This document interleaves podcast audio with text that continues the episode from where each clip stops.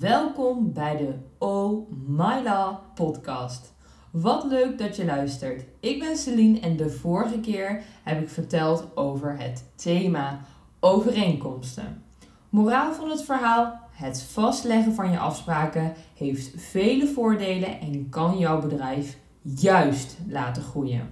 Maar om van die voordelen optimaal te profiteren is het van belang dat je overeenkomsten inzet die juist bij jouw onderneming passen, die jouw waarden en normen weerspiegelen en die bijdragen aan het verwachtingsmanagement dat jij voert in jouw onderneming. Vandaag gaan we naar een specifiek thema kijken, namelijk het nakomen van overeenkomsten. Duidelijke afspraken maken en deze nakomen. Het klinkt zo simpel. Maar in de praktijk gaat het een en ander vaak mis, waardoor afspraken niet nagekomen worden en er in het ergste geval een conflict ontstaat. Daarom kijken we vandaag naar het thema damage control. Oftewel, op wat kan jij zelf doen om zo'n situatie zo optimaal mogelijk aan te vliegen. Op de eerste plaats is het belangrijk dat je duidelijkheid en inzicht hebt in de afspraken die gemaakt zijn. Als je een overeenkomst of een offerte hebt, is dit een kwestie van opzoeken. Als je geen overeenkomst hebt, wordt het wat lastiger. Maar wellicht zijn er andere stukken waaruit blijkt wat je met de wederpartij hebt afgesproken. Mondelinge afspraken, we hebben het de vorige keer er al over gehad, zijn ook geldig. Maar het is lastig om achteraf te bewijzen wat er nou precies is afgesproken. Check ook altijd even wat er precies in de voorwaarden staat van het desbetreffende bedrijf. Deze stap noemen we ook wel de plichtencheck. Dus wat zijn de plichten van de wederpartij en welk tijdskader is er afgesproken? Aan de andere kant, wat zijn mijn plichten en heb ik voldaan aan deze plichten? Nu dat je precies weet wat er afgesproken is, is het tijd voor de tweede stap, namelijk het overleg met de wederpartij. Dit kan telefonisch, maar per mail is natuurlijk een stukje verstandiger. Dit kan gewoon een vriendelijke mail zijn waarin je aangeeft wat het probleem is en dat je hiervoor om een oplossing vraagt. In deze fase is het de bedoeling dat jullie samen in onderling overleg naar een oplossing zoeken. Soms is het bij deze, na deze fase al klaar en is het probleem opgelost, maar soms ook niet. Stel, het lukt niet om er samen uit te komen. Dan is de volgende stap een ingebrekenstelling. Een veelgemaakte fout is dat men niet veel aandacht besteedt aan de kerncriteria van een ingebrekenstelling. Zo wordt er vaak vergeten om nauwkeurig te omschrijven wat precies het probleem is en binnen welke termijn men verwacht dat het opgelost is. Daarom heb ik ook voor jullie de ingebrekenstelling checklist. Op de eerste plaats is het van belang om de datum van het sluiten van de overeenkomst te vermelden. Vervolgens geef je een duidelijke en nauwkeurige beschrijving van het probleem. En benoem je ook dat er eerder een poging is ondernomen om er gezamenlijk uit te komen. Vervolgens is het van belang dat dit de laatste kans is en benoem je ook een redelijke periode waarin je verwacht dat er alsnog nagekomen wordt. Ten slotte is het ook belangrijk om te noemen welke consequenties zullen volgen op het moment dat de wederpartij zijn afspraken niet nakomt. In de ingebrekenstelling geef je dus eigenlijk de wederpartij een laatste kans om alsnog na te komen. Doet de tegenpartij dit alsnog, dan is er natuurlijk helemaal niks aan de hand. Op het moment dat er niks gebeurt, dan is er alsnog een tool in de juridische overeenkomsten nakomkit, om het maar zo te zeggen.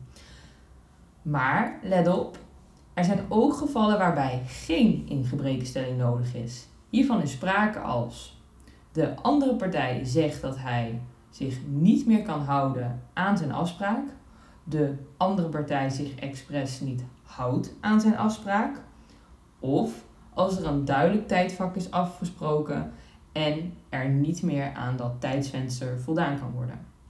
Een andere uitzondering hierop is ook als de afspraak totaal niet meer mogelijk is. Stel, niks heeft gewerkt en jij zit nog steeds met het probleem. Het komt echt vaker voor dan dat je denkt. Zo zijn er partijen die gewoon niks van zich laten horen, partijen die zich van geen kwaad bewust zijn, of, zoals ik het vaak noem, de gestructureerde niet-nakomers die vaker dit spelletje spelen. En het is echt niet leuk. Het veroorzaakt veel stress bij ondernemers, maar ook bij consumenten op het moment dat dit juist gebeurt. Leuk is het niet, maar goed, gelukkig. Er is nog een mogelijkheid. Nadat de wederpartij nog steeds geen actie ondernomen heeft na de ingebrekenstelling, dan is de wederpartij in verzuim. Yes, dat is een goed moment om het maar zo te zeggen. Even iets positiefs. En dat betekent dat je in principe de overeenkomst kan ontbinden en een schadevergoeding kan vragen. Let op, het moet dan wel gaan om een essentieel onderdeel van de overeenkomst die niet nagekomen wordt. Misschien heb je deze situatie wel eens meegemaakt. Misschien ook wel niet. Maar als jij naar de vorige afleveringen hebt geluisterd, dan gaat er waarschijnlijk nu een lampje branden. hey, dit hele gebeuren kan voorkomen worden als ik optimaal werk aan mijn verwachtingsmanagement. En in het geval dat een klant niet tevreden is, dan zorg ik dat er een juiste klachtenprocedure ingezet kan worden om juist dit soort zaken te voorkomen. Een optimaal verwachtingsmanagement en een goede klachtenprocedure zorgen ervoor dat de klant zich gehoord voelt. En dat is vaak het aller, aller, allerbelangrijkste in zulke zaken. De klant wil gehoord worden. Op het moment dat jij niet luistert naar je klant, gaat het vaak een eigen leven leiden en gaan dit soort juridische stappen ondernomen worden. Dus voorkomen is beter dan genezen. Zorg ervoor dat op het moment dat er een klacht ontstaat, dat je dit ook serieus neemt en er aandacht aan besteedt.